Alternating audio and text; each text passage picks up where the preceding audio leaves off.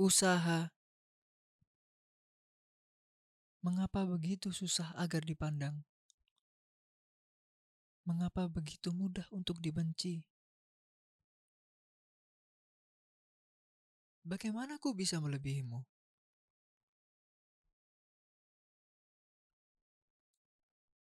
Cacian menjadi sebuah sarapan. Hujatan menjadi sebuah makan malam.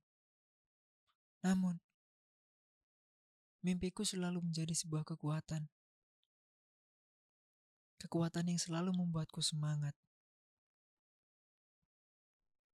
Wajah murungmu seakan membuatku berpikir kembali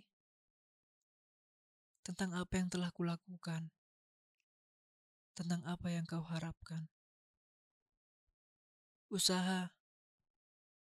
Mengapa kau bernama usaha? Tak bisakah kau berganti nama menjadi duka ataupun luka?